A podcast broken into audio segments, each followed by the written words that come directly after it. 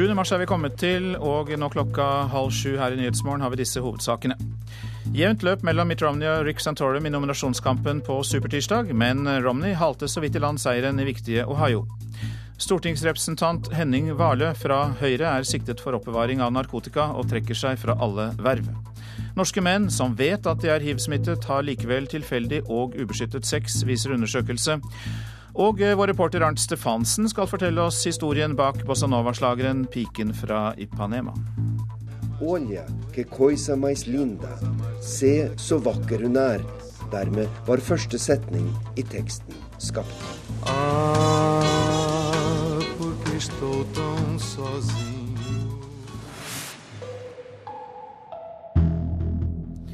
Mitt Romney klarte altså så vidt å hale i land seieren i den viktige vippestaten Ohio i nattens supertirsdag. Romney vant i halvparten av de ti delstatene, mens den argeste motstanderen, Rick Santorum, imponerte og sikret seg seieren i tre viktige delstater. Mitt Romney var selv tydelig fornøyd med supertirsdagen da han talte til sine støttespillere i natt norsk tid.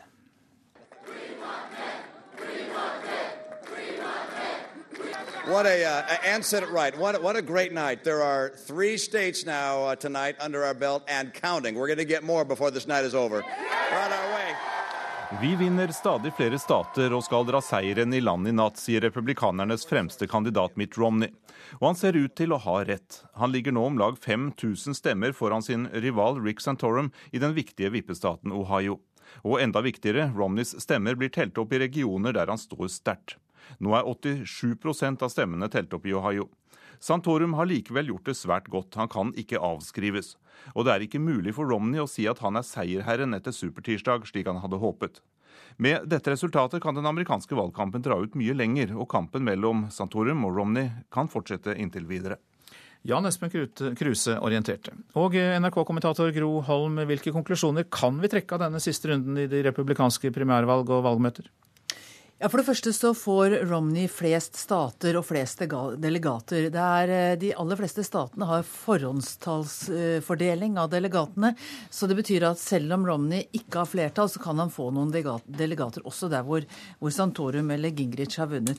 Eh, det, andre er jo at eh, han ikke har vunnet noen overbevisende seier. Altså dette som, som Kruse var inne på. Han kan ikke slå fast at nå er kampen om hvem som skal bli republikanernes kandidat over.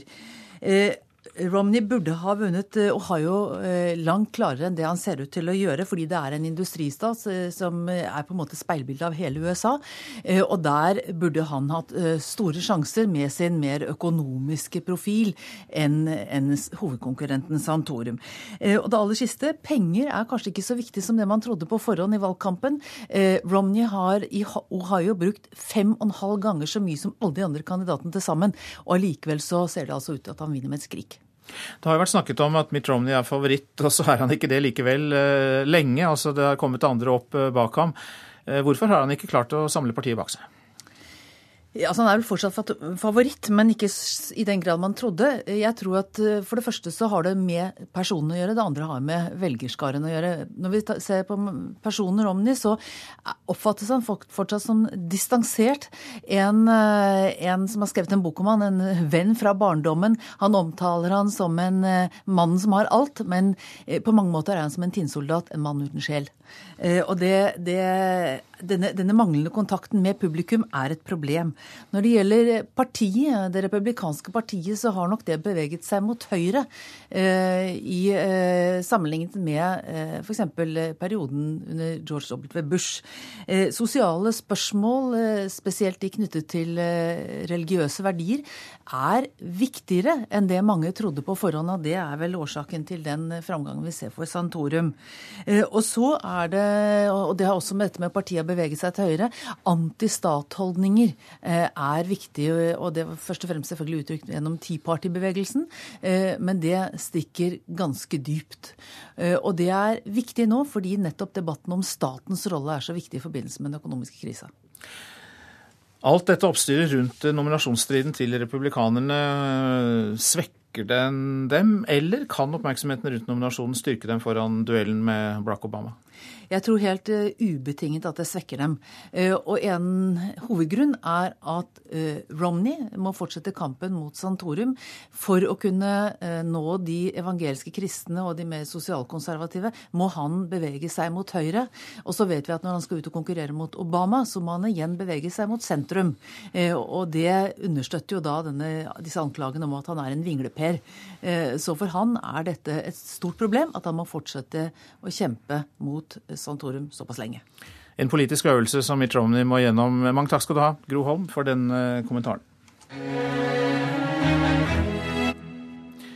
Høyrepolitikeren Henning Warlo er ikke mistenkt for å ha hatt noe med en større narkotikasak å gjøre. Det sier politiadvokat Åse Sjustad Eriksson ved Romerike politidistrikt. Men eh, er siktet for oppbevaring av narkotika, og har trukket seg fra alle verv i Høyre, etter at det ble funnet narkotika og brukerutstyr i leiligheten hans. Det er utgangspunktet ingen sammenheng mellom disse sakene. Denne siste saken mot stortingsrepresentanten den kom i forlengelsen av den andre saken vi etterforsker på Romerike. Men sakene som sådan har ingen sammenheng. Totalt seks personer er pågrepet og varetektsfengslet i denne saken, som skal dreie seg om innførsel og omsetning av amfetamin. En av de siktede er en 31-årig nær venn av Valo, som sist fredag ble pågrepet i stortingsrepresentantens leilighet.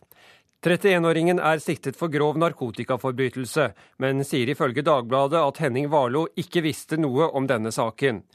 Eriksson sier stoffet i leiligheten ennå ikke er analysert, og kan derfor ikke si hva slags straff Valo risikerer. Det vil jo kunne medføre en straffereaksjon eh, mot han naturligvis. og Da kommer det an på hva slags stoff det er, og hvor stor mengde det er. Eh, hva slags reaksjon det vil eh, kunne bli. Det vil kunne være alt fra et forelegg og til en, en påstand om fengselsstraff. Men det er altfor alt tidlig å si.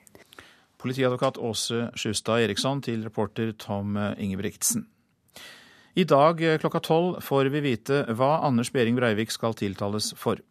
Vi eh, vet hva han har gjort, men i dag eh, dokumenteres det på 19 sider hvilke handlinger han kan dømmes for.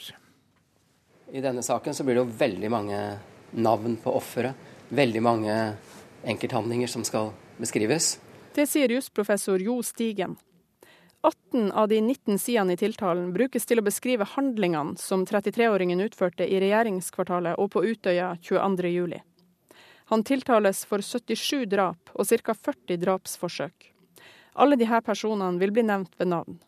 Men det er også flere hundre andre rammer som ikke vil bli navngitt i dag. Noe av det mest spesielle med tiltalen er at statsadvokatene vil ta forbehold. Forbehold om at Anders Behring Breivik kan bli kjent tilregnelig. Hvis det viser seg at Breivik er tilregnelig, så vil man endre påstanden om tvunget psykisk helsevern til straff. Antagelig da forvaring. Eh, det er ikke helt uh, sjelden det skjer, men det, det gjør også tiltalen spennende. At den er ikke endelig. Det vil komme frem flere detaljer i dag. Og gjennom rettssaken vil vi få vite enda mer om hva som egentlig skjedde. Stigen mener det er nødvendig. Det er smertefullt uh, å komme gjennom en sånn prosess. Men det er nok helt nødvendig, og her har man forskning som viser også, og alle psykiatere, psykologer vil nok si det, at for å komme videre etter en traumatisk hendelse, så er man nødt til å gå gjennom hendelsen i detalj. Reporter Eva Marie Strand.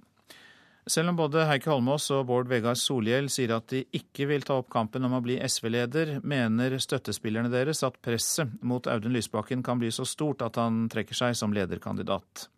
Flere SV-lag hadde i går kveld interne møter for å diskutere situasjonen rundt ledervalget, skriver VG i dag.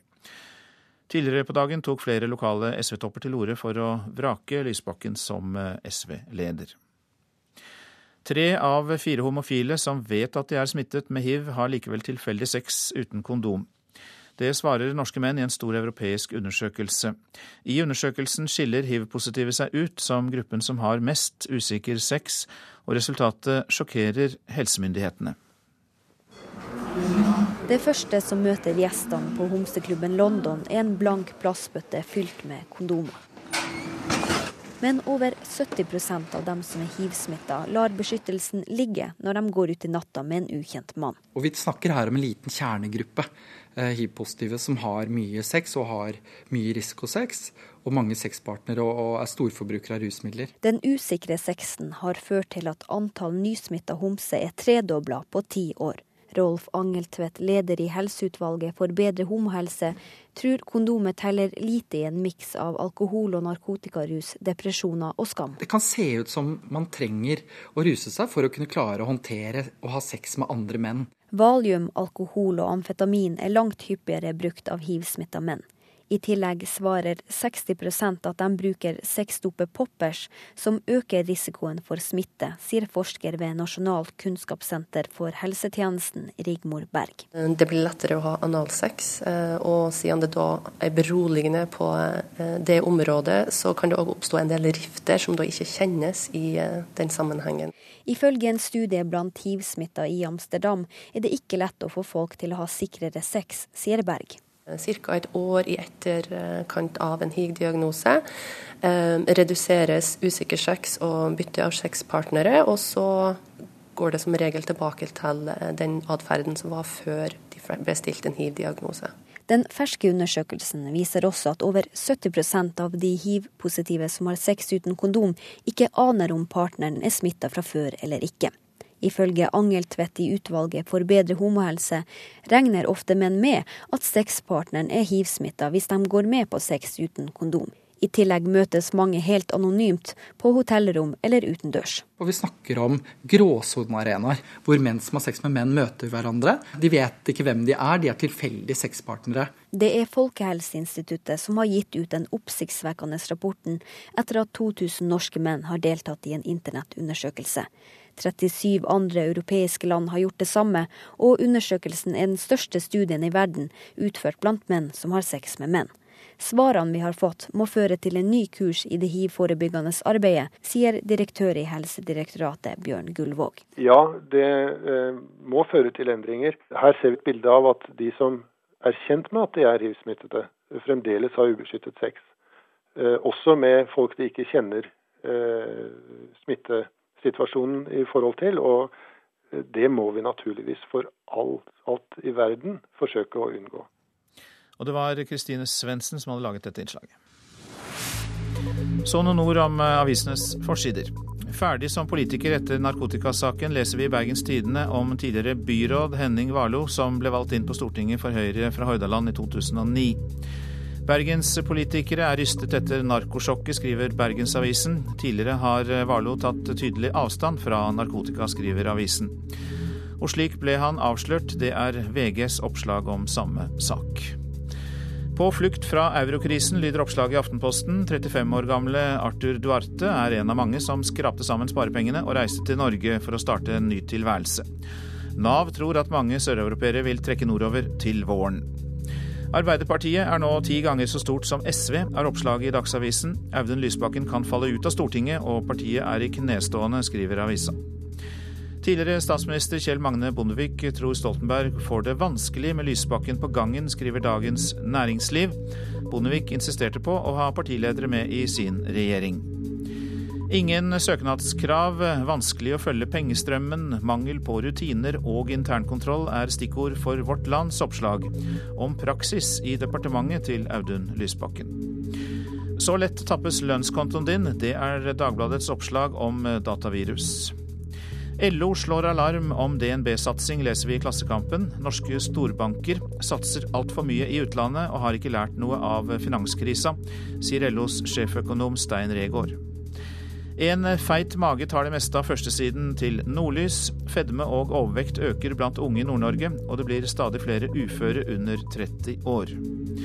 Rekordmange fjøs gikk opp i røyk, skriver Nasjonen. 304 branner gjorde 2011 eh, til det verste brannåret noensinne, og de fleste brannene skjedde i Hedmark.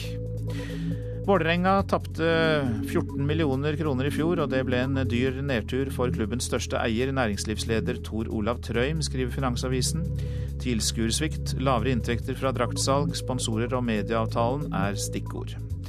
Og folk i Stavanger har landets beste selvbilde, mens nordmenn flest rangerer byen nest lavest av storbyene.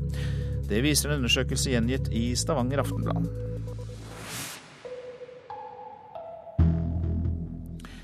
Norge er langt ifra favoritt på fredagens herrestafett i rupolding. Det mener vår fremste skiskytter Emil Hegle Svendsen. Herreskiskytterne er nede i en bølgedal. Stafettlaget i år er svakere enn laget som tok VM-gull i Kantimasirsk i fjor, mener Svendsen. Vi er jo ikke på papiret like sterke, det er vi ikke. Men det er de samme løperne, så ferdighetene ligger der. Bare vi finner dem frem. Så vi er ikke noe favoritt, i hvert fall. Og da får vi bare angripe som en, på en måte en litt sånn outsider isteden. Det kan jo være like greit, det. Hegle Svendsen ble i går beste nordmann på normaldistansen med en åttendeplass. Tarjei Bø ble nummer 18 med fire tilleggsminutt. Ringreven Ole Einar Bjørndalen endte helt ned på 47.-plass med fem tilleggsminutt. 38-åringen er inne i en ond sirkel. Altså det er vanskelig å komme ut av det når, når, du først er inne i det. Så det, ja, jeg kan ikke si nøyaktig hva som uh, har på en måte gått galt. Jeg jobba veldig mye med A-trekk i dag, men jeg klarte ikke å fullføre det likevel. Så det, jeg klarte ikke å være rå nok der, så det, det er meg sjøl å takke. Det er det. Norge har tatt stafettgull i de tre siste mesterskapene. Nå er herreskiskytterne nede i en bølgedal. Likevel mener Tarjei Bø at det norske stafettlaget er frykta av konkurrentene. Hvis du spør uh, alle konkurrentene ute her, så hvis jeg skal nevne en favoritt til stafetten, så, så tror jeg eh, kanskje mange av dem nevner oss likevel. Av de som er liksom inne i, i løypa, som ser hva som skjer der og ser potensialet til laget vårt, så, så tror jeg vi fortsatt er frykta. Selv om utgangspunktet for å vinne har vært litt, litt dårligere enn det har vært før. Reporter Ole Rolfsrud. Kampen om sammenlagtseier i kvinnenes verdenscup tetter seg til når sprinten i Drammen skal avgjøres i dag. Selv er Marit Bjørgen klar over at en feil kan ødelegge drømmen om å stå øverst på podiet ved sesongslutt. Ja, det er det. Fordi det er jo krevende. fordi om man føler at man er i, bra form, så kan alt skje der. Og plutselig så er man ute, så er Kowalczyk helt opp til en finale. Da er det mange poeng igjen. Verdenscupleder Marit Bjørgen vet godt at sammenlagtstillinga i nettopp verdenscupen raskt kan ryke med en tabbe når langrennssirkuset i dag inntar Drammen. For på programmet står sprint, og side ved side med Bjørgen vil sannsynligvis verdenscuptoer Justina Kowalczyk kjempe som besett for å knekke sin norske motstander i ei øving som tidligere har bydd på stor dramatikk. Som nettopp i Drammen i 2010. Er Kowalczyk og Marit Bjørgen side om side. Og begge vil være først inn eller ut av den siste svingen. Inn på stadion! Kowalczyk, og Bjørgen klarer seg. Slår oppgitt ut med armene, Kowalczyk. Der ryker det mange poeng. Når fattige seks renn gjenstår av en lang og utmattende sesong, kan et fall på sprinten være tunga på vektskåla i kampen om sammenlagtsiger. Men om både Bjørgen og Kowalczyk redder seg helskinna fram til mål, er verdenscupleieren sjøl usikker på hvem som vil være sterkest i en spurt. Jeg vil jo påstå å si at vi er ganske likt, egentlig. Eh, skøytesprint er nok jeg hakket bedre enn hun, og klassisk er jo kanskje hun knappet bedre, men jeg slo jo på søndag, så det er helt avhengig av hvem som har dagen sin. Altså. Lagvenninna Therese Johaug er uansett ikke i tvil om hvem som vil kapre det gjeve verdenscuptrofeet til slutt. Marit, så klart. Fordi? Nei, for hun er den sterkeste og den råeste langrennsløperen. Reporter Hans Henrik Løken, og eh, om eh, Marit Bjørgen har dagen, får vi høre på NRK P1 fra klokka 16.05 i ettermiddag, for da går sprinten i Drammen der. Du lytter til Nyhetsmorgen, og klokka har passert 6.48. Dette er våre viktigste saker. Jevnt løp mellom Mitt Romney og Rick Santorum i nominasjonskampen på supertirsdag i USA, men Mitt Romney halte så vidt i land seieren i viktige Ohio. Stortingsrepresentant Henning Warloe fra Høyre er siktet for oppbevaring av narkotika og trekker seg fra alle verv. Norske menn som vet de er hiv-smittet, har likevel tilfeldig og ubeskyttet sex, viser undersøkelse.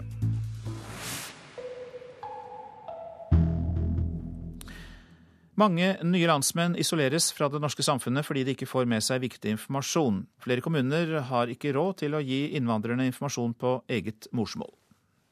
Fredrikstad Nagarpalika ka full. हथियारों के Fredrikstad court. Flytter du til Fredrikstad, kan du få viktig informasjon på hindi, fordi kommunen har Amayot Kaur til å oversette. Men det skorter på andre språk. Flere kommuner her i landet oversetter ikke viktig informasjon fordi de ikke har råd. Slik er det også i Fredrikstad kommune, sier kommunikasjonssjef Ingrid Trømborg. Hovedutfordringen eh, handler om kompetanse. Eh, det å ha gode oversettere som kan gjøre den jobben for oss. Eh, og så handler det selvfølgelig om ressurser. For det koster også penger. Latteren sitter løst når familier fra hele verden møtes til lek i åpen barnehage. Men informasjon om hvor man finner slike møteplasser, er ofte ikke oversatt til flere språk. For tobarnsmor Nicole Orsim fra Tyskland ble det et vanskelig møte med et nytt land. Det var ikke så lett, um, fordi jeg ikke snakket et eneste ord da jeg kom hit. Og så ja, lurte jeg på hvordan skal jeg begynne her? Hvordan starter man? Det tar tid å lære seg norsk, så mer oversatt informasjon ville gjort det enklere for familien, mener hun. Å gjøre sånn informasjon om f.eks. språkskole eller åpen barnehage, uh, gjøre det tilgjengelig på ditt eget språk, altså på mitt morsmål, det hadde vært uh, veldig bra. Problemet er godt kjent for rådgiver Jon Ole Martinsen i Norsk organisasjon for asylsøkere, som mener at mange blir isolert fordi de ikke får informasjon nok. Desto lengre tid man blir eh, passivisert og blir sittende inne, desto lengre tid tar før man, og vanskeligere er det for de å komme ut i samfunnet. Å oversette dokumenter er ingen lovpålagt oppgave, og derfor dropper mange kommuner den ekstra utgiften. Kommunene bør ta seg råd, mener Martinsen. Tidlig informasjon, god, konkret og informasjon som man forstår, medfører en tidligere integrering, og som medfører mindre utgifter for kommune og stat. Nicole forsto tidlig hva som må til for å få innpass i det norske samfunnet. Språket er, jeg vil si, nøkkelen til et land. Reporter Anette Torjussen. Så skal vi høre at kontoret som skal fremme norsk samtidskunst i utlandet, får kritikk. Det statlige organet får kritikk for å være lukket og diskriminere, i en rapport fra Telemarksforsking. Det er i hvert fall bedre å ha med bilen enn å ha på gata. Det er faktisk sant. Det er sant. Kunstner Wenche Gulbrandsen er hjemme i garasjen og gjør seg klar til utstilling i Oslo. Samtidig er hun kritisk til hvordan norsk samtidskunst blir fremmet i utlandet. Hun er ikke alene. Det statlige organet som er ansvarlig for norsk samtidskunst utenlands, OCA, eller Office for Contemporary Arts, får kritikk i en rapport fra Telemarksforsking. OCA mottar årlig rundt 11 millioner kroner på statsbudsjettet. Nå kritiserer én av tre spurte kunstnere måten disse pengene blir fordelt på. Gulbrandsen mener at problemet med OKA er at det er et lukket system. Uh, men uh, dette lukkede systemet uh, som det nå er blitt til, det er ufruktbart. Fordi man, man, vet ikke hvem som kan nå frem der, hvem det er som får besøk av kuratorer. Altså Alt skjer under teppet, og det er hysj-hysj. Og hvis man prøver å snakke, så er det som sagt ingen å snakke med. Rapporten fra Telemarksforsking tar altså for seg Utenriksdepartementets støtte av norsk kunst til utlandet. Kulturforsker Ola Berge var med å skrive rapporten, og bekrefter at mange av de spurte opplever OKA som en lukket organisasjon. Det går på at de mener at det er en manglende transparens i måten OKA håndterer ordningen på. Og så er det også noen som da mener at, den, at det er et kunstsyn som Eh, som i for stor grad har fått sette seg over tid, og at det er vanskelig for en viss type kunstner å nå fram.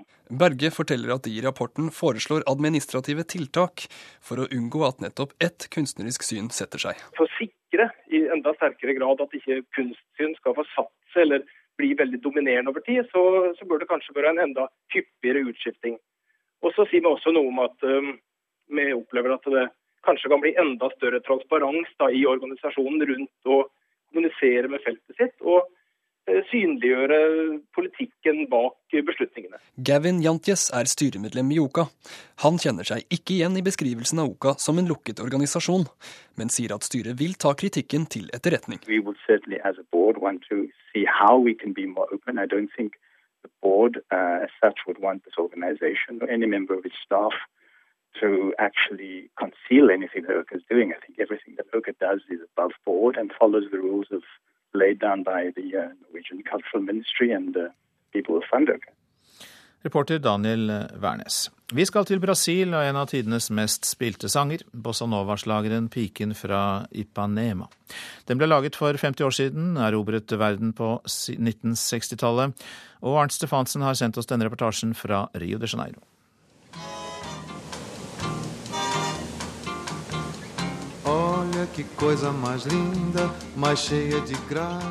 Det var komponisten Tom Jobin og lyrikeren Venicius Gemorais som skapte 'Piken fra Ipanema'.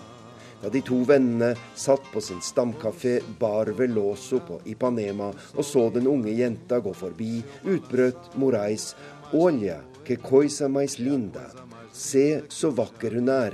Dermed var første setning i teksten skapt. Ah, porque estou tão sozinho.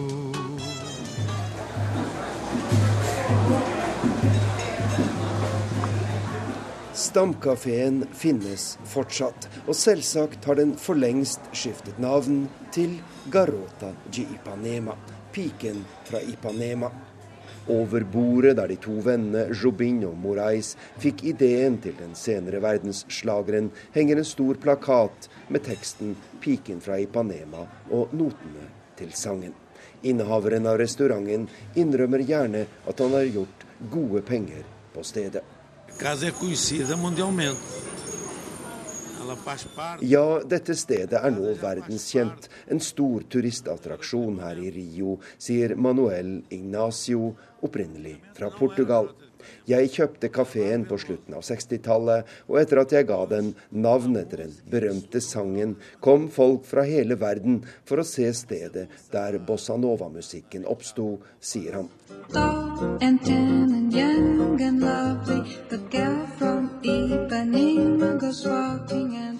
Piken fra Ipanema ble altså skrevet i 1962, men det var først i 1964 sangen fikk sitt store gjennombrudd. Da hadde Tom Jobin og sangerekteparet Astrud og Jean Gilberto spilt inn en internasjonal versjon sammen med den amerikanske saksofonistlegenden Stan Getz, og The Girl from Ipanema tok verden med storm.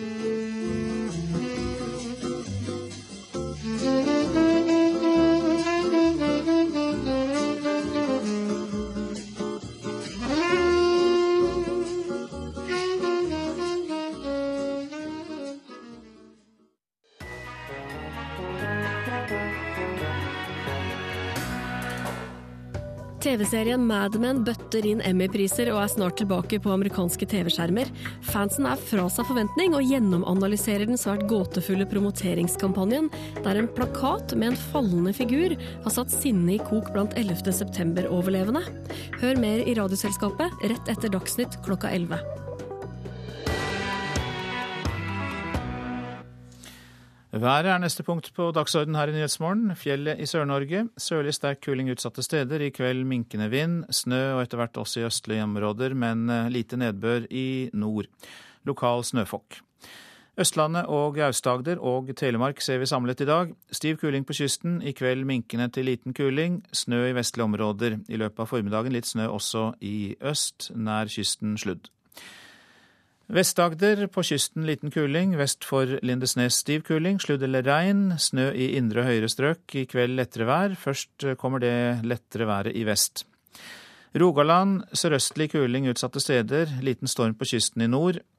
Sludd eller snø, til dels regn i lavlandet, i kveld enkelte regnbyger og snøbyger over 300-500 meter. Hordaland og Sogn og Fjordane sørlig liten til full storm på kysten, sludd eller snø, etter hvert eh, regn i lavlandet i ytre strøk. Vinden minker i kveld, det blir eh, regnbyger, snøbyger over 200-400 meter. Møre og Romsdal sørlig stiv kuling utsatte steder, liten storm på kysten av Søre Sunnmøre, litt regn av og til, vesentlig på Sunnmøre. Litt snø i fjellet og fra seint i ettermiddag sørvestlig liten kuling på kysten. Trøndelag sørøstlig stiv kuling utsatte steder, i kveld eh, minkende. Oppholdsvær. Fra i formiddag litt sludd og snø av og til, til dels eh, regn i lavlandet. Nedbør først i sørlige områder. Nordland sørøstlig stiv kuling utsatte steder, delvis skyet eh, oppholdsvær. Men fra i ettermiddag litt sludd eller snø på Helgeland og i Lofoten.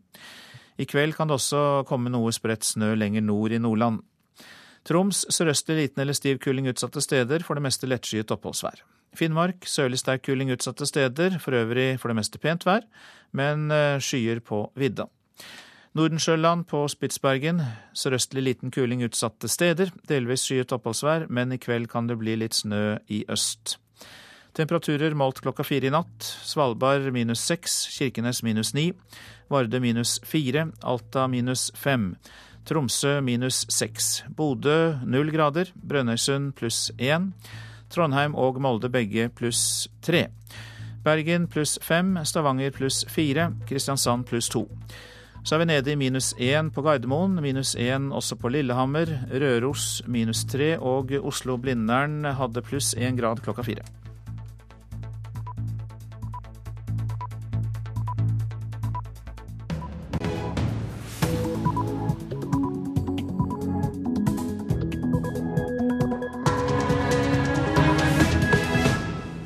Nyhetsmorgen er programmet du lytter på, og klokka sju så har eh, Øystein Heggen her i studio denne nyhetsoppdateringen.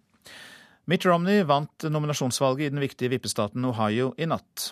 Stortingsrepresentant Henning Warloe fra Høyre er siktet for oppbevaring av narkotika og trekker seg fra alle verv. Offentlig ansatte forventer eh, et saftig lønnstillegg på minst 4% i år. Offentlig sektor må nå vinne terreng. Det sier Unio-leder Anders Folkestad. Skal Anders Behring Breivik tiltales for drap eller terror, eller begge deler? I dag kommer tiltalen, men den kan komme til å bli endret. Hvis det viser seg at Breivik er tilregnelig, så vil man endre påstanden om tvunget psykisk helsevern til straff, antagelig da forvaring. Jusprofessor Jo Stigen. Større og mer alvorlige dataangrep rammer Forsvaret nå enn tidligere, sier operasjonsoffiser. Og mange frykter at eh, jobbintervjuet skal eh, ødelegge for dem. Så når jeg sitter på intervju, da forsvinner alt. Jeg husker så vidt hva jeg heter. Ja, Mitt Romney klarte så vidt å hale i land seieren i den viktige vippestaten Ohio i natt, eh, det vi har kalt supertirsdag-valget. Romney vant i halvparten av de ti delstatene, mens den argeste motstanderen Rick Santorum imponerte og sikret seg seieren i tre viktige delstater. Og vi har nettopp hatt kontakt med våre USA-korrespondenter Jon Gelius i Boston, Massachusetts og Anders, Anders Tvegård i Columbus, Ohio.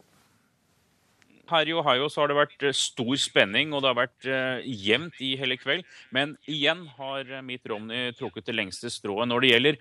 Han har brukt fem ganger så mye penger som utfordrerne, og han har hatt en overlegen organisasjon på plass. Men Marginen i Ohio er ikke stor, og kommentatorene peker på at Romney framover må vinne framfor å få motstanderne til å tape. Likevel fra Romney-hold så heter det at en seier er en seier. For en uke siden så lå han langt bak favoritten til å vinne her i viktige Ohio, delstaten som sies å speile USA. Han føler seg trygg på at nominasjonen er så godt som i boks. Tirsdagen har vært super for Mitt Romney. Ja, og i Boston, Massachusetts, eh, John Gelius, så var det vel ingen tvil? Nei da, her gjorde Romney omtrent rent bord. og det er klart Når han nå klarte å ta fem av de ti delstatene, så har han jo i hvert fall eh, på papiret fått eh, flere nye delegatstemmer. og Det er jo det det til og kommer til å handle om. Hvor mange delegater klarer man å samle sammen.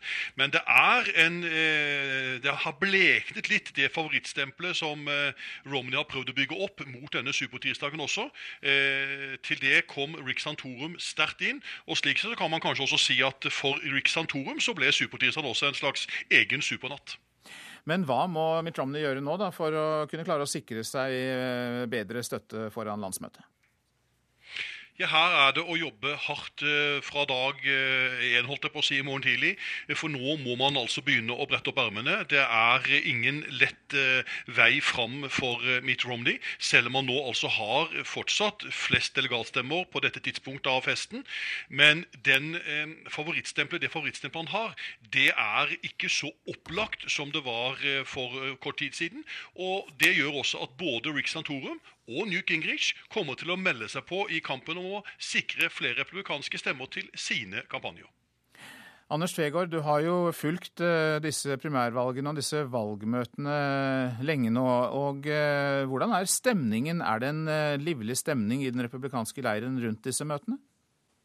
Ja, altså Man mangler jo litt entusiasme, det er jo noe som går igjen. Men det sentrale, eller det jeg opplever, er at velgerne begynner å bli lei av skittkastingen. Men de vil samtidig ikke gi nominasjonen til Romney uten kamp. De fleste jeg har møtt, mener at Romney er den som kan utfordre Barack Obama. Og hatet mot presidenten er uh, viktigere og, større enn personkampen hos det republikanske partiet. Men samtidig, de konservative her mener at Romney er for lik Obama. Her i Ohio så, så, har jeg møtt velgere som mener at det er ødeleggende for partiet, den opprivende kampen vi har sett. At Obamas rådgivere får mange gratispoeng ved å se på dette tidvis sirkus utfolde seg. Men svaret fra sentralt hold er at demokratene de f.eks. holdt det gående til juni, da kampen mellom Hillary Clinton og Barack Obama holdt på. Og at nominasjonskampen vi ser nå, er alt annet enn skadelig. Den forbereder heller partiet for motangrep. Den samler troppene. Det meste som har skjedd til nå, kommer mange til å ha glemt når man endelig får en presidentkandidat på republikansk side. Ja, altså Republikanerne de søker jo den rette kandidaten, det vet vi jo. Og Jon Gelius, du har jo fulgt med på, på drevet litt tallknusing for oss. Altså En kandidat må jo ha støtte fra 1144 av til sammen 2286 delegater på dette landsmøtet. og Hvordan ligger de an nå? Ja, Fortsatt er det altså slik at Mitt Romney ligger godt an. Han har drøye 300 delegatstemmer eh, talt opp nå. Nå er jo ikke alle eh, stemmene gjort opp eh, i de delstatene under supertirsdagen, så først utover dagen i, i, dag vil vi vite eksakt hvor mange stemmer som, hvor mange delegatstemmer den enkelte kandidat vil kunne regne etter supertirsdagen. Men det er altså slik at Mitt Romney har klart et flertall også etter supertirsdagen. Men det som er spennende å se på, er jo hvor mye Rick Santor Forum og delvis Newt Gingrich, som altså vant i hjemmestaten Georgia, som sier at han vil fortsette i sin kampanje, hvor mye de kan klare å forkludre de neste delstatene. Det er jo mange delstater framover, og jeg tror dette kommer til nå å trekke ut. Det kommer til å bli en utmattende republikansk eh, fortsatt presidentkandidatkamp framover. Og det er jeg usikker på hvordan vil eh, slå ut for det republikanske partiet og republikanerne generelt. Eh, vi vet i hvert fall at Obama og hans mannskap sitter ganske så stille i Det hvite hus og ser på det som nå ruller ut av republikanske tvekamper. Anders Tvegård, eh, kan du se noen forskjell i holdninger og stemninger blant de forskjellige supporterne? De som eh, f.eks. støtter Mitt Romney, og de som eh, støtter Rick Santorum f.eks.?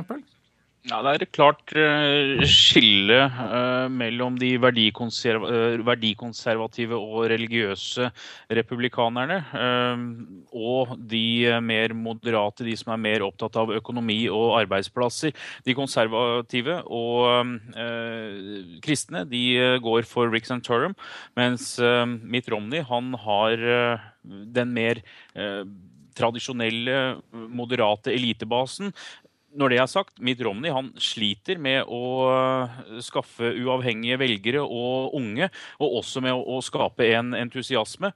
Men um, ting her endrer seg fra delstat til uh, delstat, hva som er, er, er, viktig av saker. Men det republikanske partiet er mer opptatt av nå å kunne få Obama ut av Det hvite hus og få plassert en av sine egne inn. Og um, alle målinger tyder på at den de har tro på, er Mitt Romney som den beste utfordreren til Barack Obama. Og det er nok uh, han som føler, og som de fleste også tror, kommer til å få nominasjonen til slutt. Anders Tvegård fra Columbus, Ohio, og Jon Gelius fra Boston, Massachusetts. Offentlig ansatte her hjemme forventer et saftig lønnstillegg på minst 4% i år. Vi kan ikke ta hensyn til at enkelte bedrifter sliter tungt, sier Unio-leder Anders Folkestad. Skal offentlig sektor henge med, så ser jeg for meg at vi må ha et resultat eh, på firetallet, kanskje 4,5% Og innenfor disse rammene må utdanningsgruppene prioriteres.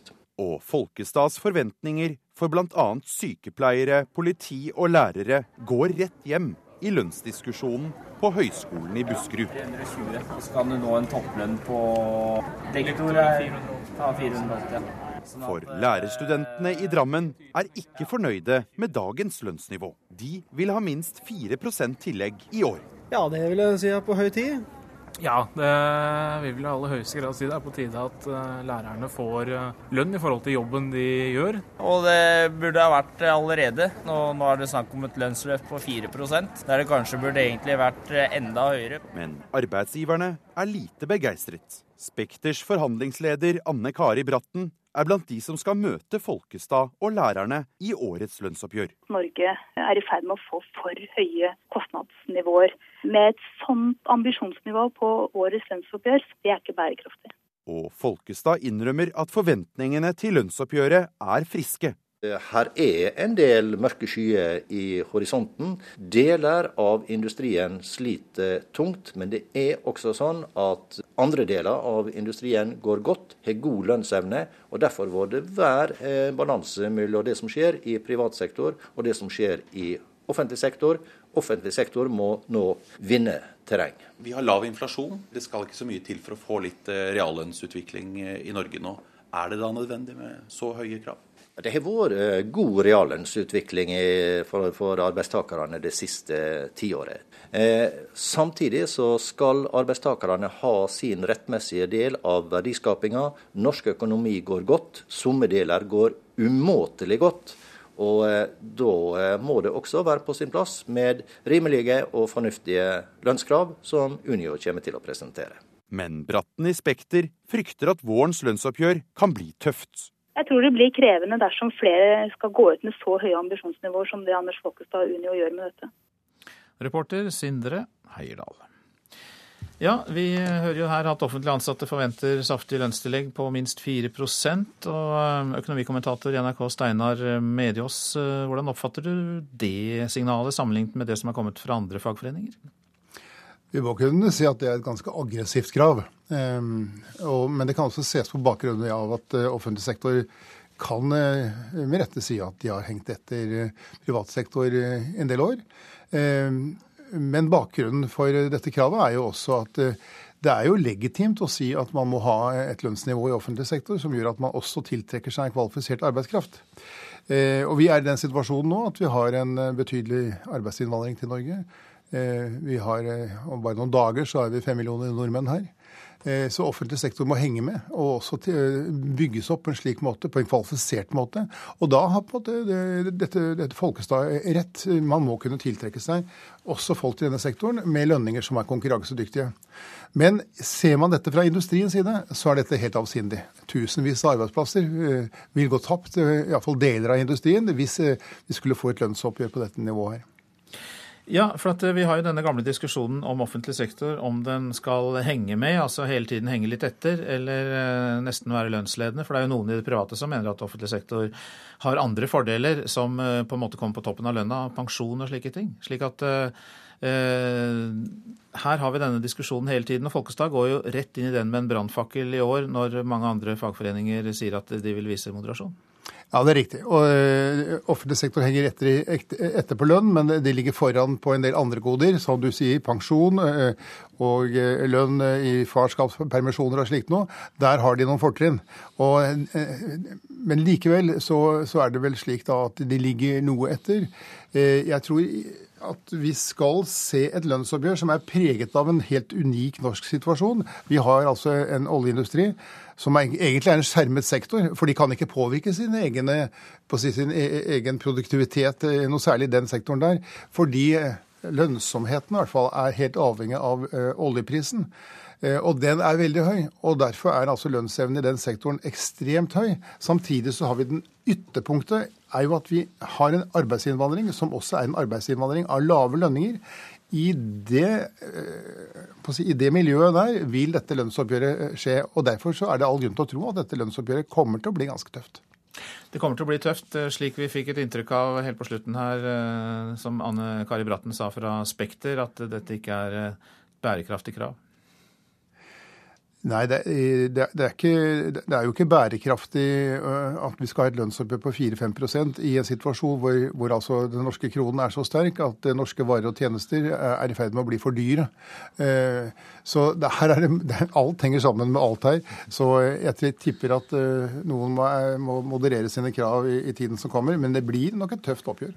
Mange takk skal du ha, økonomikommentator i NRK Steinar Mediås. Børsene i Asia faller markant i dag. De fleste ledende indeksene er ned rundt 1% og det er banker og råvareselskaper som gjør det dårligst. De asiatiske børsene følger i fotsporene til New York-børsen, som i går hadde årets dårligste dag. Verdens investorer har de siste dagene igjen begynt å frykte at Hellas vil gå konkurs. Investorene frykter også at den globale økonomiske veksten vil bli mindre framover. Norsk oppdrettsnæring vokser eh, ikke bærekraftig, ifølge Riksrevisjonen. Riksrevisjonen Jørgen Kosmo deler ut refs for eh, at eh, oppdrettsnæringen bedriver forurensning og sviktende forvaltning. Det skriver Finansavisen. Høyrepolitikeren Henning Warlo er ikke mistenkt for å ha noe med en større narkotikasak på Romerike å gjøre. Det sier politiadvokat Åse Sjustad Eriksson ved Romerike politidistrikt. Men Warloe er siktet for oppbevaring av narkotika, og han har trukket seg fra alle verv i Høyre. Det etter at det ble funnet narkotika og brukerutstyr i leiligheten som han disponerer. Dette beslaget ble gjort under etterforskning av en større narkotikasak. Det er utgangspunktet ingen sammenheng mellom disse sakene. Denne siste saken mot stortingsrepresentanten den kom i forlengelsen av den andre saken vi etterforsker på Romerike. Men sakene som sådan har ingen sammenheng. Totalt seks personer er pågrepet og varetektsfengslet i saken på Romerike som skal dreie seg om innførsel og omsetning av amfetamin. En av de siktede er en 31-årig nær venn av Valo, som sist fredag ble pågrepet i stortingsrepresentantens leilighet. 31-åringen er siktet for grov narkotikaforbrytelse, men sier ifølge Dagbladet at Valo ikke har noe med amfetaminsaken å gjøre. Valo har erkjent å ha brukt narkotika, men erkjenner ikke straffskyld. Likevel trakk han seg i går fra alle verv i partiet. Høyre-leder Erna Solberg sier hun har gjort det klart for Valo at han ikke bør søke om å bli gjenvalgt på Stortinget. Men det er klart at jeg syns det er trist at vi har en sånn sak. Jeg syns det mest av alt er trist for Henning at vi har fått dette. Eh, fordi at Henning er en dyktig politiker. Eh, men eh, vi må leve som vi lærer. Og heldigvis virker det som nå at Henning er sortert ut av den store saken, det som var razziagrunnlaget, men at man står igjen med en sak om misbruk. Stoffet som ble funnet i Warloes leilighet er ennå ikke analysert, og det er for tidlig å si hva slags straff han risikerer, sier politiadvokat Åse Sjustad Eriksson. Det vil jo kunne medføre en straffereaksjon mot han naturligvis. og Da kommer det an på hva slags stoff det er, og hvor stor mengde det er, eh, hva slags reaksjon det vil eh, kunne bli. Det vil kunne være alt fra et forelegg eh, og til en, en påstand om fengselsstraff. Det er altfor alt tidlig å si. Politiadvokat Åse Sjustad Eriksson til reporter Tom Ingebrigtsen. Du lytter til Nyhetsmorgen, og klokka den har passert 7.16. Vi har disse hovedsakene. Mitt Romney klarte så vidt å hale i land seieren i den viktige vippestaten Ohio i nattas supertirsdagsvalg i nominasjonsprosessen til republikanerne. Unio forventer minst 4% lønnsøkning for offentlig ansatte i år. Og som vi nettopp hørte, stortingsrepresentant Henning Warloe fra Høyre er ikke mistenkt for å være del av en større narkotikasak, men han er siktet for oppbevaring av narkotika. Forsvaret rammes av flere og stadig alvorlige dataangrep enn tidligere. Det sier operasjonsoffiserer i Forsvaret, Bjarte Malmedal til NRK. Hver eneste uke må de håndtere angrep som krever ekstra oppfølging. Flere av anslagene kan ramme utenlandsoppdragene. Disse angrepene blir mer målrettet og direkte mot eh, altså vår evne egentlig til å løse oppdragene våre. Det digitale rommet har blitt de nye krigsmarkene noe det norske forsvaret erfarer i en stadig mer alvorlig grad. Bjarte Malmedal hos Forsvarets Cyber Defense-avdeling sier dataangrepene har blitt mer omfattende. Der vi mener å se en økning, er også i hvor avanserte eller kall sofistikerte disse angrepene blir. For Forsvaret så kan det jo bety at uh, operative planer blir kjent, uh, strategier uh, og sånne ting. Eilif Ofiksbø er avdelingsdirektør for NorCERT, som har ansvaret for den nasjonale datasikkerheten. Han ser at mange av angrepene som rammer både Forsvaret og andre interesser i Norge, begås av noen med store ressurser. Det sier at det er en uh, aktør som uh, vet hva slags informasjon den er ute etter. Uh, den vet hva denne firmaet eller etaten jobber med, og har et klart mål i forhold til hva den ønsker å ha ut av det. Hvordan kan dere se at det ligger så mye ressurser bak? Eh, det ser vi spesielt fordi de er målrettede. Eh, Dvs. Si at de har tilpasset eh, sårbarheter som er spesifikke for det enkelte selskapet og for den enkelte settingen det selskapet står oppe i. Dagen etter at norske jagerfly startet bombingen i Libya i mars i fjor, fikk flere hundre ansatte i Forsvaret en e-post med et fiendtlig virus. Vi opplevde et ganske avansert og, målrettet angrep mot vår, våre kommando- og kontrollsystemer. Dette angrepet ble stoppet. Bjarte Molmedal i Forsvaret sier de hver dag rammes av flere hundre angrep. Av dem er det nå minst ett i uken som er så alvorlig at det må følges opp. Så Det er ikke så lenger sånn at eh, det går direkte mot eh, det teknologiske og, og litt sånn som alle blir utsatt for, men, men det handler om f.eks. å få tak i informasjon eh, knyttet til Forsvaret sin virksomhet. Reporter var Ellen Borge Christoffersen. Og eh, til å snakke om dette så har vi fått besøk av Tore Larsen Orderløkken. Velkommen.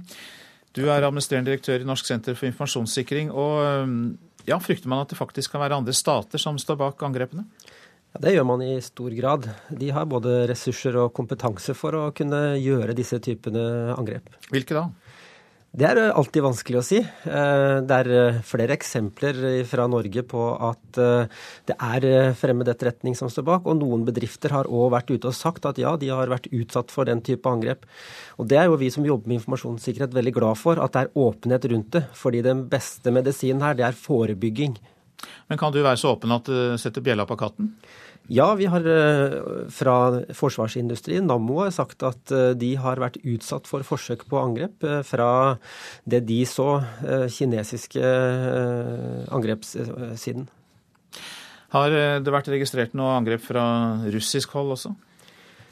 Det er alltid vanskelig å si hvor eh, det her kommer fra. Fordi eh, de fremmede statene de bruker de samme metodene og verktøyene som de kriminelle. De gjemmer seg i den støyen. Men ja, det er helt klart eh, indikasjoner på at man har med å gjøre veldig mange fremmede etterretningstjenester som er på jakt etter den informasjonen som vi hører her. Og dette var jo også noe som eh, den militære E-tjenesten tok opp i sin rapport, som eh, kom for to dager siden. Nettopp dette med dataangrep. Og hva er de ute etter? De er ute etter informasjon de kan bruke til å påvirke. Så informasjon fra myndigheter, fra politiske aktører, men helt klart òg høyteknologi. Vi er gode på olje, gass, telekom, vi har eh, våpenindustri, og den type informasjon er de på jakt etter all informasjon er verdifull, så, så de er òg på jakt etter informasjon de kan bruke til utpressing, som de kan bruke til å påvirke et firma sine interesser i et annet land, slik at de kan påvirke resultatet av avtaler, kontrakter osv. Kan vi gjøre noe med det? Er det mulig å skjerme seg mot dette? Altså F.eks. å bygge dataanlegg for Forsvaret som ikke kommuniserer med utenverdenen, men bare med de som skal vite dette? Det er jo slik man har jobbet i mange år med sikkerhet, at man har beskyttet seg på den måten med å bygge murer. Men det vi ser er jo at eh, man setter inn eh, innsatsen på teknologi. Og så ser vi at angriperne de bruker eh, oss mennesker som angrepsvåpen. Så sosial manipulering er det vi ser mye av. Og da er det ikke teknologien som redder oss. Vi må faktisk gå ned på å bygge sikkerhetskultur, drive opplæring, holdningsskapende arbeid for å få òg den ansatte med på laget, som en siste forsvarsmekanisme. Så også denne formen for spionasje koker ned til uh, the human factor, altså? Ja, den er svært viktig.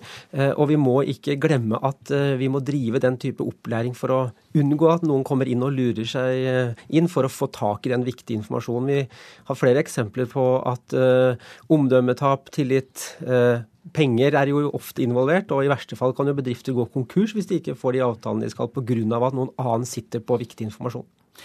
Og dette skal dere passe på i Norsk senter for informasjonssikring. Hjertelig takk for at du kom, Tore Larsen eh, Ordeløkken.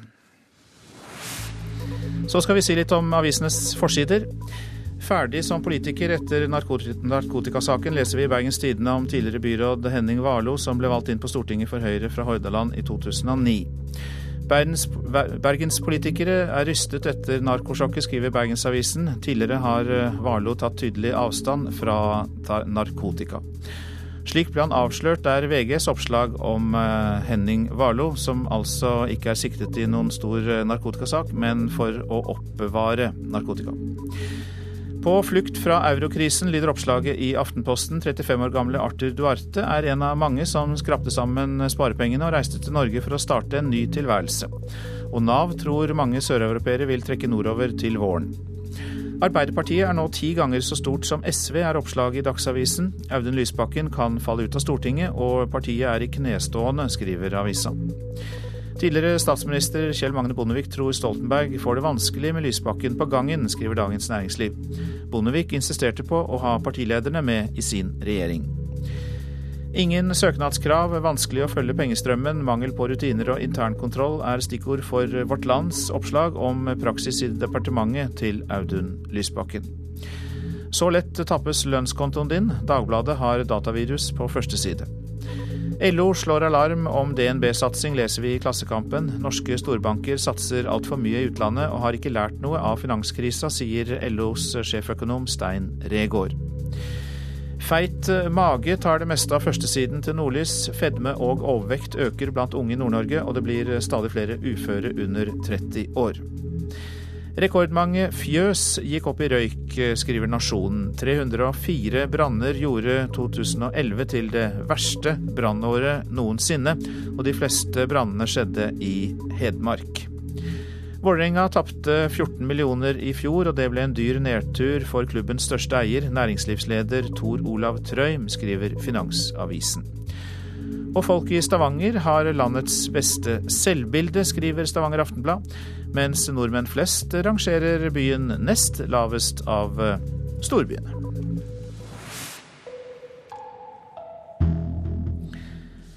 To av ti kvier seg i forkant av et jobbintervju. Det viser en internasjonal undersøkelse gjort av Kelly Services.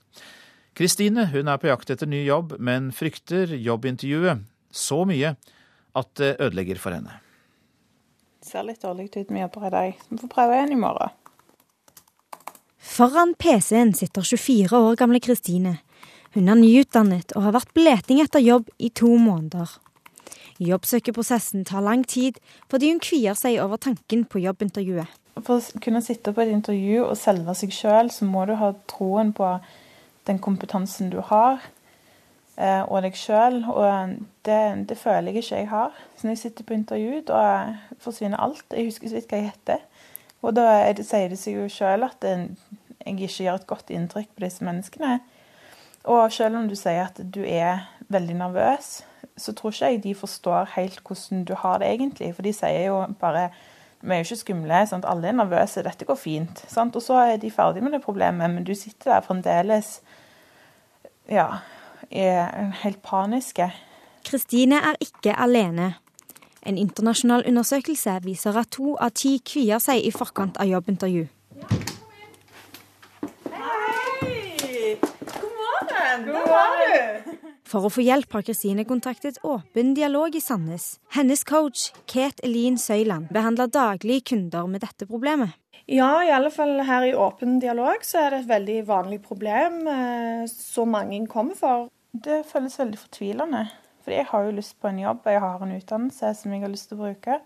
Men eh, det føles litt håpløst, rett og slett. Så eh, jeg må jo bare prøve å tenke positivt og si til meg sjøl at dette kommer til å gå bra. Du kommer til å finne en jobb. Det paradoksale er at eh, påfallende mange av de som sliter med dette, er veldig flinke personer som har stor arbeidskapasitet. Jobbintervjuet er ikke for alle. Kristine er overbevist om at hun lettere kunne fått seg jobb via andre rekrutteringsmetoder. Hvis jeg hadde fått lov å prøve meg i en bedrift eller et selskap, så kunne jeg vist hvem jeg var og hva verdier jeg har. Og da tror jeg at de ville likt meg. Sant? Men når jeg sitter eh, på et intervju og skal prøve å fortelle dem hvem jeg er, og gjerne med oppsatte spørsmål som de har bestemt på forhånd, så funker ikke det for meg. Søyland ser at mange gode ressurser går tapt i intervjuprosessen, og håper at næringslivet ser alvoret i situasjonen. Ta dette seriøst og sette det på dagsorden. og og tenke hva kan vi gjøre for å få tak i disse, disse flinke folka som glipper pga. et dumt jobbintervju. Susanne de Kock Selstad i NHO Rogaland er prosjektleder for Global Future, som tar for seg førstegenerasjons innvandrere i jobbsøkeprosessen. Hun mener bedriften kan bli flinkere på tilbakemeldinger til arbeidssøkerne. Det er utrolig viktig for bedrifter å gi tilbakemeldinger der hvor det er mulig til kandidatene som ikke fikk jobbene. Jeg skjønner jo når man har 700 søknader på, på en jobb, at man ikke kan gi 700 tilbakemelding. Men, men f.eks. de siste tre, de siste fem som kom på intervjusfase, som kom til, eh, til siste fasene i, i eh, rekruttering, gi en tydeligere tilbakemelding om hvorfor det var ikke du som fikk jobben. Hvis det er andre som sliter med det samme, få noen til å hjelpe. Det er veldig verdt det. Ja, det var en oppfordring fra Kristine, som kviet seg for å ta fatt på jobbsøkerprosessen. Reporter Hanne Høyland. Du lytter til Nyhetsmorgen på NRK P2 etter Dagsnytt om Russlands revolusjon og krig og famlende demokrati, men i form av en opera. Og så Politisk kvarter, Sigrid Solund. Der skal det handle om kvinner og politikk. Vi tar kvinnedagen litt på forskudd og spør om norsk politikk er så likestilt som vi kanskje tror. Til å svare på det kommer Helga Pedersen fra Arbeiderpartiet, Ine Eriksen Søreide fra Høyre og Inga Marte Torkelsen fra SV, som også får spørsmål om hun kan være på vei inn i regjering. Det blir spennende i Politisk kvarter, kvart på åtte. Prosent for Nyhetsmorgen, Jean Erik Bjørnskaug. Her i studio, Øystein Heggen.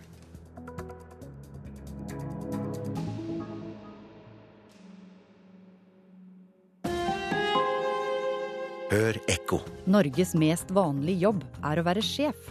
Vi har over 100 000 toppledere her i landet. Og spør du ungdommen, så drømmer nesten alle om å sitte i sjefsstolen. Kan hvem som helst bli en god leder? Ekko 9 11 i NRK P2.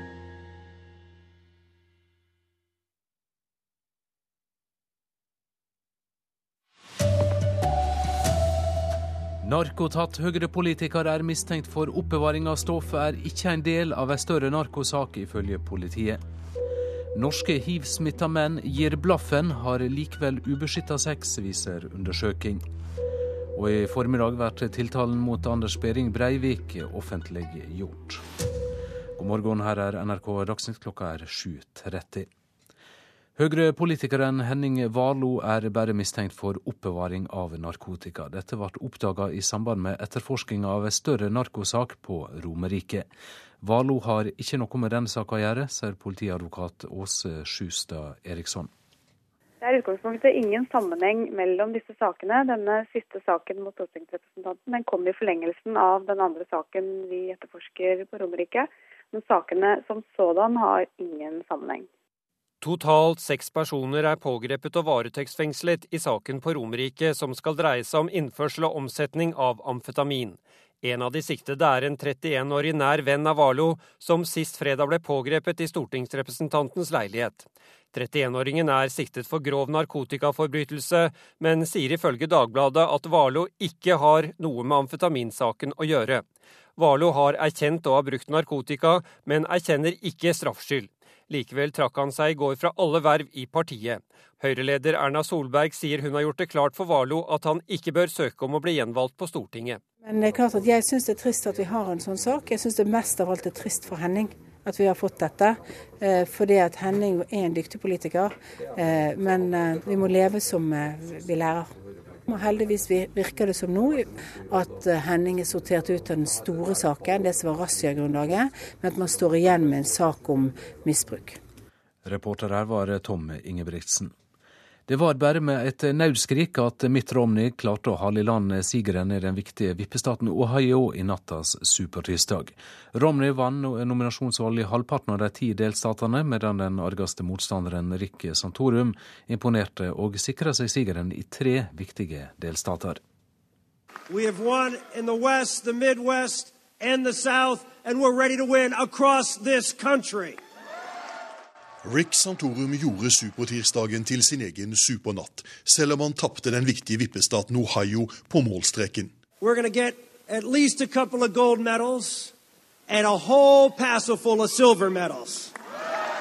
Selv med seier i halvparten av delstatene klarte ikke Mitt Romney å riste av seg sin argeste rival. Tvekampen mellom de to kommer til å fortsette i ukene fremover. En kamp klarer Romney tror likevel at han vil trekke det lengste strået til slutt. Uh, tonight we're uh, we're doing some counting. We're counting up the delegates for the convention, and it looks good. And we're counting down the days until November, and that looks even better. We're we're going to take your vote, a huge vote tonight in Massachusetts, and take that victory all the way to the White House. Fordelingen av de 419 delegatene fra supertirsdagen vil først bli klar utover dagen. Og det er antall delegater som til syvende og sist avgjør. Mitt Romney står fortsatt med flest delegatstemmer etter nattens supertirsdag. Jon Gelius, Boston, Massachusetts. Tre av fire homofile som vet at de er smitta med hiv, har likevel tilfeldig sex uten kondom. Det svarer norske menn i en stor europeisk undersøking. Over 2000 homofile er spurt om sine sexvaner, og hiv-positive skiller seg ut ved å ha mest risikosex. Det første som møter gjestene på homseklubben London, er en blank plastbøtte fylt med kondomer. men over 70% av dem som er hiv-smitta, lar beskyttelsen ligge når de går ut i natta med en ukjent mann. Og Vi snakker her om en liten kjernegruppe eh, hiv-positive som har mye sex og har mye risikosex, og mange sexpartnere og er storforbrukere av rusmidler. Den usikre sexen har ført til at antall nysmitta homser er tredobla på ti år. Rolf Angeltvedt, leder i Helseutvalget for bedre homohelse, tror kondomet teller lite i en miks av alkohol- og narkotikarus, depresjoner og skam. Det kan se ut som man trenger å ruse seg for å kunne klare å håndtere å ha sex med andre menn. Valium, alkohol og amfetamin er langt hyppigere brukt av hiv-smitta menn. I tillegg svarer 60% at de bruker sexdopet poppers, som øker risikoen for smitte, sier forsker ved Nasjonalt kunnskapssenter for helsetjenesten, Rigmor Berg. Det blir lettere å ha analsex, eh, og siden det da er beroligende på eh, det området, så kan det òg oppstå en del rifter som da ikke kjennes i eh, den sammenhengen. Det er Folkehelseinstituttet som står bak rapporten, og resultatene i den må føre til en ny kurs i det hiv-forebyggende arbeidet sier direktør i Helsedirektoratet Bjørn Gullvåg. Ja, det eh, må føre til endringer. Reporter Kristine Svendsen. I dag klokka tolv får vi vite hva Anders Behring Breivik skal tiltales for. Da kommer dokumentet på 19 sider som forklarer hva for handlinger han kan dømmes for. I denne saken så blir det jo veldig mange navn på offeret. Veldig mange enkelthandlinger som skal beskrives. Det sier jusprofessor Jo Stigen. 18 av de 19 sidene i tiltalen brukes til å beskrive handlingene som 33-åringen utførte i regjeringskvartalet og på Utøya 22.07. Noe av det mest spesielle med tiltalen i dag er at statsadvokatene vil ta forbehold.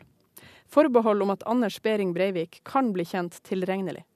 Hvis det viser seg at Breivik er tilregnelig, så vil man endre påstanden om tvunget psykisk helsevern til straff. Antagelig da forvaring det er ikke helt uh, sjelden det skjer, men det, det, gjør også tiltalen spennende. At den er ikke endelig.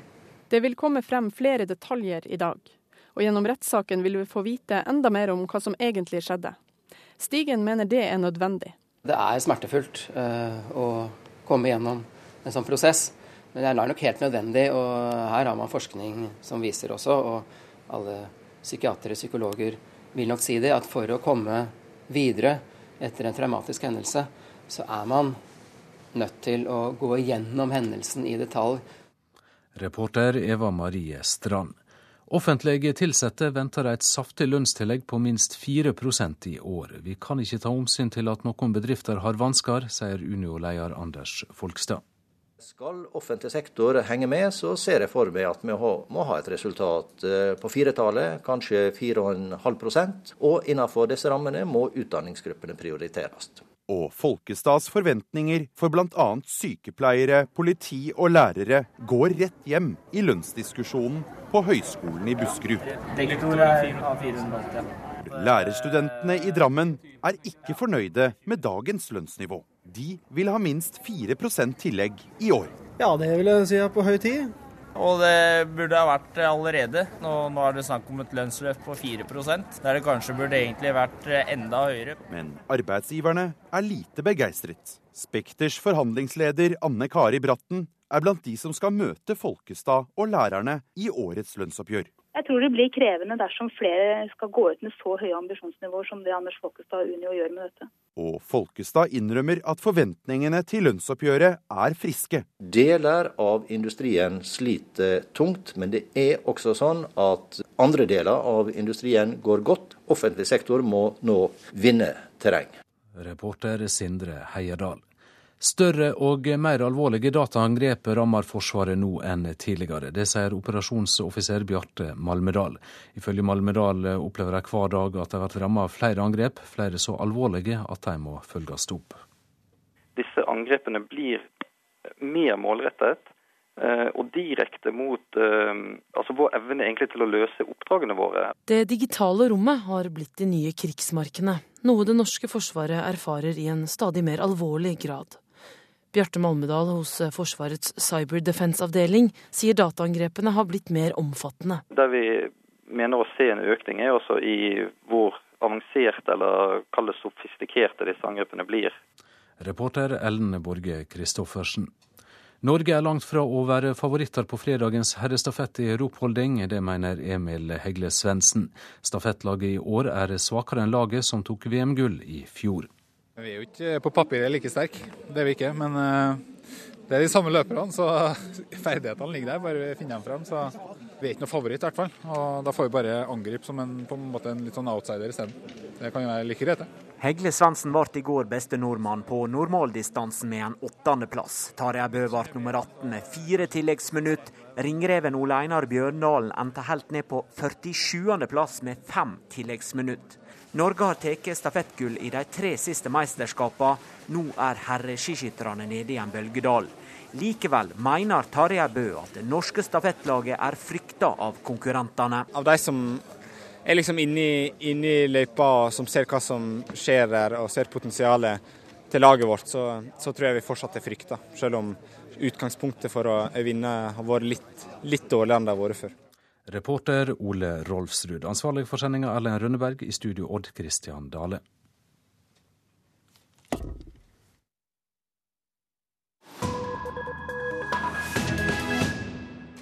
Russlands dramatiske historie med revolusjon, krig og nå et famlende demokrati preger i høy grad russisk kultur. Et godt eksempel er skjebnen til lady Macbeth fra Metsensk, komponisten Dmitrij Sjostakovitsjs store opera.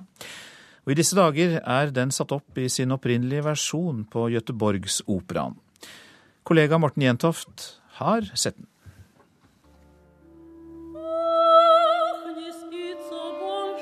Tenk tenk hva Stalin hadde på sitt samvittighet. Ikke bare alle disse mord han gjorde, men han mördade jo faktisk nesten en, en stor kunstner. Sjostakovitsj fortsatte jo, men han gjorde jo aldri noe mer opera. Politiker ska hålla sig ifrån att blanda sig i sånt där, alltså, det tycker jag verkligen.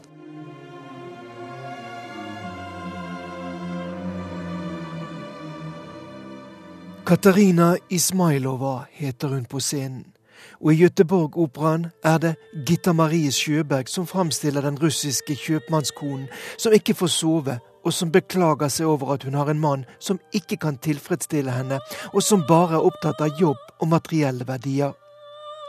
Katarina tar etter hvert den fattige sjarmøren Sergej til elsker, dreper sin voldelige svigerfar Baris og sin mann Sinovej, og blir selvfølgelig også sviktet av elskeren. Det hele ender med død og fordervelse. Og hun er frihetselskende, og det er klart at man kan ikke forsvare at hun mördar. Det gjør, det, det, det, och det gjør jo at, at, hennes øde det går jo bare rakt ned. Altså, det går jo ikke, så kan man jo ikke gjøre, naturligtvis. Men, men omstendighetene gjør at hun, at hun havner i denne situasjonen. Veldig menneskelig. Og en menneske som er utrolig passionerad og känslomässig og, og låter seg bestyres mye av følelsene. Ja.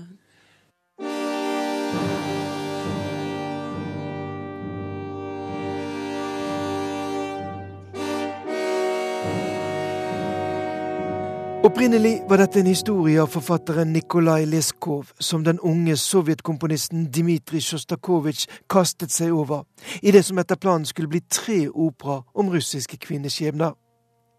Premieren var i 1934, med stor suksess. Men en januarkveld i 1936 dukket selveste sovjetdiktator Josef Stalin opp i Bolsjoj-teatret i Moskva for å se Lady Macbeth fra Metsensk, og han likte ikke det han så og hørte. To dager etter sto den berømte usignerte lederartikkel 'Støy istedenfor musikk' på trykk i partiorganet Pravda. Og dermed var det slutt på Katarina Ismailovas noe brutale kvinnefrigjøring på scenen. Det var ikke bare for Stalin dette ble for sterk kost. Sjostakovitsj forsto at han med slike effekter kunne skremme bort mange, og tok ut denne sekvensen da han på 1960-tallet omarbeidet operaen og kalte den Katarina Ismailova. Men i Göteborg-operaen er den tilbake.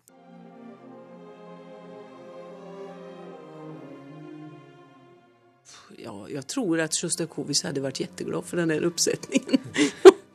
Men når du går på scenen og ser ut mot publikum, ser du litt om kanskje, kanskje Stalin sitter oppe et sted og følger med på hva du gjør? Det hoppas jeg. Han gör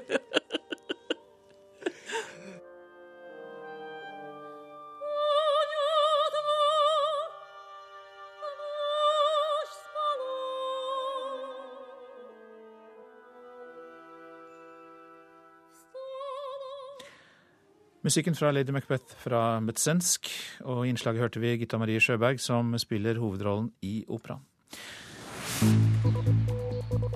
Dette er Nyhetsmorgen. Vi har disse hovedsakene. Stortingsrepresentant fra Høyre som er tatt for oppbevaring av narkotika, er ikke mistenkt for å være del av en større narkotikasak. Mitt Romney vant nominasjonsvalget i den viktige vippestaten Ohio i natt, og norske hivsmittede menn gir blaffen, har likevel ubeskyttet sex, viser undersøkelse. Og eh, dere ligger unna skandalene i politikken i Politisk kvarter i dag, programleder Sigrid Solund. Med mindre man da mener det er en skandale at norsk politikk fortsatt ikke er helt eh, likestilt.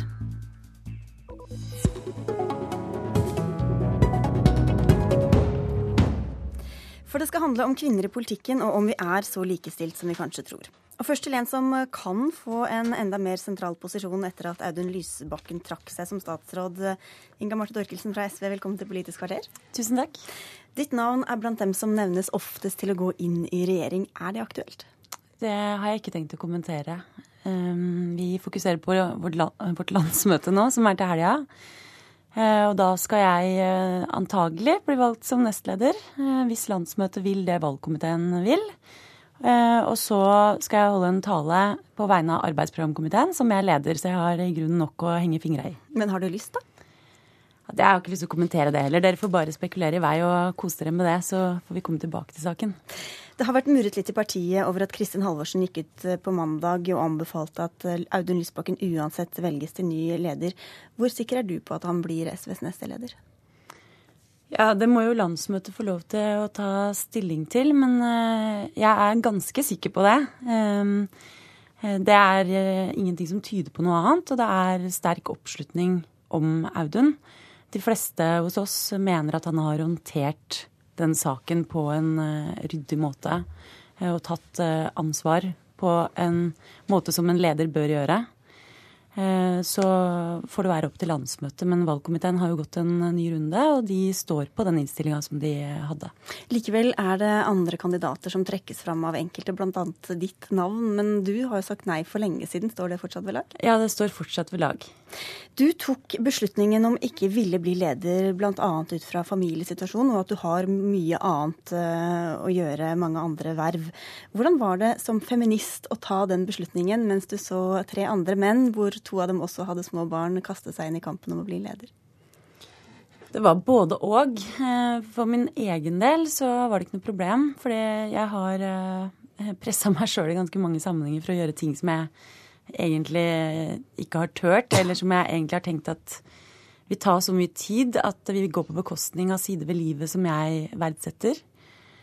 Um, men det er klart at det å se for et feministisk parti at det er tre menn som kjemper, det, det, stikker jo litt, selvfølgelig. Og det var jo en del kvinner som reagerte på det. Og det var jo en del som ville at uh, både jeg og andre kvinner hos oss skulle tre fram og delta i den, den konkurransen, da.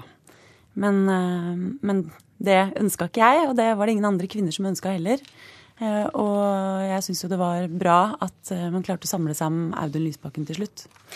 Ine Eriksen eh, Søreide fra Høyre, du har også vært tidligere spekulert i ditt navn, både når det gjelder nestleder og mulig leder. Hvor aktuelt har det vært for deg? Det vil sikkert alltid være litt spekulasjoner om, om, mange navn, men heldigvis er jo det en sak som ligger veldig langt inn i framtida for Høyre. Fordi Erna har jo både et lederskap og en stå-på-vilje som er helt enorm, og hvem som eventuelt skal være kandidater om mange år, det er det jo altfor tidlig å spekulere i nå et rundt svar derfra. Det sies at kvinner ofte kvier seg mer enn menn for å ta på seg oppgaver som ikke de er 100% sikre på at de mestrer. Du er leder for Stortingets eh, utenriks- og forsvarskomité, et verv som tidligere ofte har vært forbeholdt menn. Hva tenkte du da du fikk den, eh, det spørsmålet? Jeg tenkte jo først og fremst at det var eh, et stort ansvar og en stor oppgave. Og det er det jo også i veldig stor grad. Men jeg hadde noen diskusjoner uten å uten å avsløre hva det var jeg gikk og grubla på, med noen kollegaer av meg, eh, og fra andre partier også. Jeg kunne ikke si noe om hva det gjaldt, men, men si noe om at jeg gikk og grubla på noe som var sånn og sånn. Og da var det en god kollega av meg, Erling Sande fra Senterpartiet, som, eh, som ga meg et veldig godt råd. Eh, og det var at du må huske på at det fins alltid en exit, men det fins ikke alltid en inngang. Og det syns jeg er et veldig godt råd. At det fins alltid en vei ut hvis ting skulle skjære seg. Men det skjærer seg jo veldig sjelden. Det er jo det som er det morsomme å oppdage når man tar på seg ting som man kanskje i utgangspunktet følte var et veldig stort ansvar.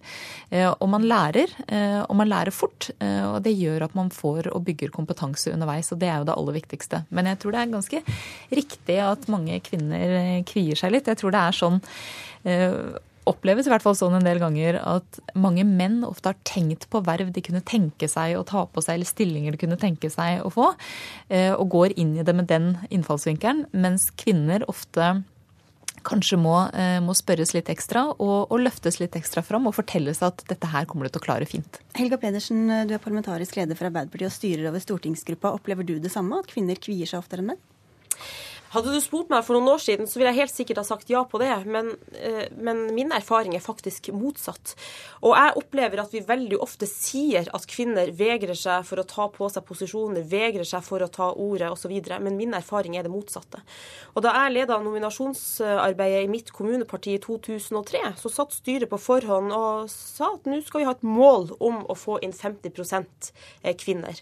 Og da var det flere rundt bordet som sa, menn da spesielt, som sa at nei, nei, eh, det, det, kommer vi ikke til å klare. Og Helga, du kan gjerne spørre de damene, men de kommer til å si nei. Men de svarte ja. Eh, alle vi spurte. Eh, så det, det henger i veldig stor grad sammen med hvem du spør, og hvordan du spør. Men så er jeg også helt enig med Ine Marie at når du gir både kvinner og menn posisjoner, så skal du følge dem opp etterpå. Torkelsen, har kvinner et særskilt eh, eh, ansvar for å ta ansvar og ta på seg oppgaver også for å sikre likestilling bl.a. i politikken? Ja, til en viss grad så syns jeg jo selvfølgelig det. Vi kan ikke bare sitte og klage på at ikke vi får muligheten, eller at andre bare tar ordet for oss. Men jeg tror det er viktig også å se at det kan være eh, grunner til at eh, kvinner i visse tilfeller kvier seg mer. For jeg tror jeg tror at det kan være sånn også, og det vet vi også fra undersøkelser som er gjort, eh, at eh, både den dagsorden som politikken ofte preges av, og som ofte settes av menn, mannlige redaktører, mannlige kilder 80% av kildene som brukes i norske medier, er menn, og man diskuterer på ja, mer menns vis, da, hvis man kan si det. Det kan virke ekskluderende, og så er det en del forhold ved ved kvinner som vi er klar over, som at kvinner ofte har et større ansvar hjemme. Ofte preges av en dårlig samvittighet som menn er eh, befriende frie for i større grad. Det er jo min erfaring. Eh, og også at de må oppmuntres mer. Eh, men jeg syns at det er inspirerende det som Helga forteller om. For de har jobba veldig systematisk for å få flere kvinner fram. Men samtidig så ser jeg jo også at vi i regjeringa har en utfordring ved at eh, noen av de plassene som da eh, innehar mest makt, som statsminister, utenriksminister og finansminister, de er jo besatt av menn. Så der må vi prøve å få gjort noe etter hvert. Uh, ja, Søreide? Jeg tror uh, de, altså I alle partier så finnes det veldig dyktige og kompetente menn og veldig dyktige og kompetente kvinner. Men noen ganger så må man oppmuntre litt ekstra kvinnene til å stille til verv. Og det handler jo i veldig stor grad om bevissthet snarere enn om lovregler om kvotering og den type ting. Men bevisste valgkomitéledere, f.eks. Bevisste nominasjoner. Men, men, og ikke minst bevisste partiledere. Og jeg, jeg synes at For, for Høyres del syns jeg både Erna har vært veldig flink til å tenke både på etterveksten, som så fint heter i partiet, men også det å, å dytte fram folk i forskjellige posisjoner. Talspersoner, fraksjonsledere, andre som fronter partiet. Og det var Jan Petersen veldig flink til i sin tid også. Var veldig opptatt av det. Og mange ganger så handler det jo om å tørre å tenke litt utafor boksen, bryte noen mønstre. Eh, og gjøre noe litt uventa i personkabalene. Og det er en god måte å vise fram både yngre og kvinner, og dyktige menn også, på en annen måte enn det man ellers gjør. For I Høyre har de da valgt de har to komitéledere, for det er veldig langt mellom komitélederne på Stortinget blant kvinner, Helga Pedersen. Og der har de tatt litt sånn utradisjonelle kjønnsrollevalg. Men det har dere ikke nødvendigvis tenkt så mye på i Arbeiderpartiet, eller hvordan er det? Jo, i aller høyeste grad. Halvparten av våre fraksjonsledere er kvinner, den andre halvparten er menn. Og sånn er det også blant komitélederne. På Stortinget er det dessverre bare tre kvinnelige komitéledere. To av dem kommer fra uh, Arbeiderpartiet. Men de leder det, tradisjonelt litt mer som kvinne ærlig talt. Eh, vi må ikke gjøre den feilen i, i likestillingspolitikken at vi ser at når, eh, når, en kvinne er blitt helseminister, eller når en kvinne har fått eh, ansvar for utdanningspolitikken, så er ikke det lenger viktige saksområder. Eller snakke ned de kvinnene som har makt. De ivaretar et utrolig viktig ansvar i det norske samfunnet.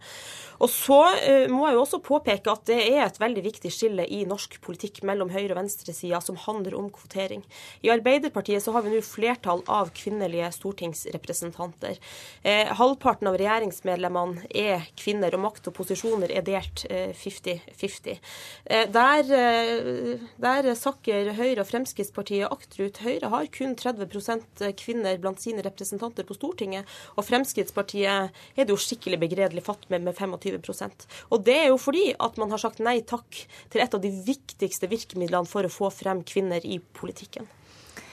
Man kan jo like det eller ikke, men det var jo faktisk en Høyre-mann som gikk i bresjen for eh, kvotering av kvinner til styreverv. Og det kan man, man kan mene mye om kvotering. Det, og, ja, det var veldig bra. Det var veldig bra. Men, men, det har ikke slått ut i stortingsgruppa deres, da? Nei, nå er jo ikke stortingsgruppa sånn sett et styre, men, men, likevel.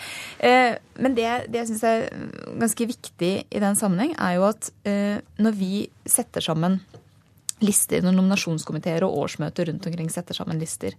Eh, så handler det jo om å løfte fram de dyktige kvinnene som er. Det handler ikke om å kvotere. og Poenget mitt er at det er så mange flinke kvinner rundt omkring i alle partier at det er ikke nødvendig Hvorfor å kvotere. Hvorfor har dere ikke klart å hente dem inn til, til, i politikken, da? På... Nå er det jo sånn at Arbeiderpartiet har jo dobbelt så stor stortingsgruppe som Høyre. Eh, de har derfor også et ganske stort ansvar for hvordan de eh, plasserer sine folk rundt omkring. Eh, for de har mange muligheter, de har mange flere posisjoner. SV har jo heller ikke så veldig god standing på kvinner akkurat nå i sin stortingsgruppe. Dere er vel nå to av elleve. Så det er enda verre ja. enn Fremskrittspartiet, da, som jo, blir betegnet men, som begredelig? De er et lite parti og en liten stortingsgruppe, og prøver jo da isteden å, å fokusere på f.eks. Inga Marte som kommende nestleder i, i, partiet.